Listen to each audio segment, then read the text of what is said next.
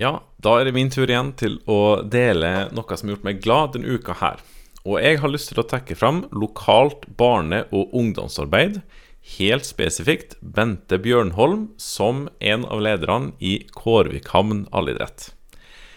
Rundt om i Nord-Norge, som eh, vi har vårt virke i her, da, så er det massevis av bygder. Og litt ulikt eh, arbeid i dem alle sammen, selvfølgelig.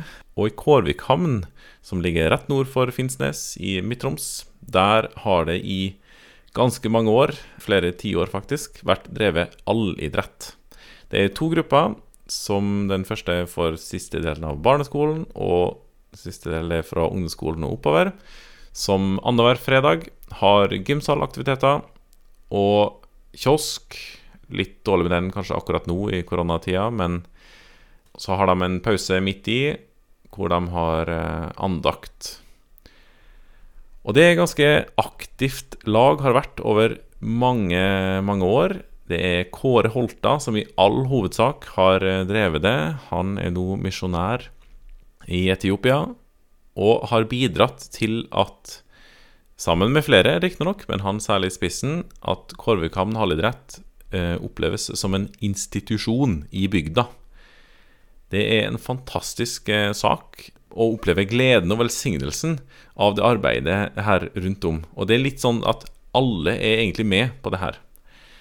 Andre ting som skjer i bygda, justeres etter når det er alledrettssamling osv. Og så er det altså Bjente Bjørnholm som nå eh, er med og står i spissen for det. Ikke så veldig glad i papirarbeidet rundt omkring det, og det er helt greit. For det er det å treffe ungdommene og ungene som er det som gir henne energi, og som gir henne engasjement til å drive videre. Og det å ha voksne, og ha å gjøre med voksne som tenker sånn, og som ønsker å dele sitt møte med Jesus, si tru, med barn og ungdom, og er bevisst på å sår Guds ord inn i hjertene med det her. Og legge til rette for aktivitet og ja, sunnhet og glede i kroppen også, for den saks skyld. Det er sånne ting som gjør, gjør meg glad, og er veldig, veldig bra at skjer både i Kårvika og mange andre plasser, selvfølgelig. Men nå var det akkurat det jeg ville trekke fram.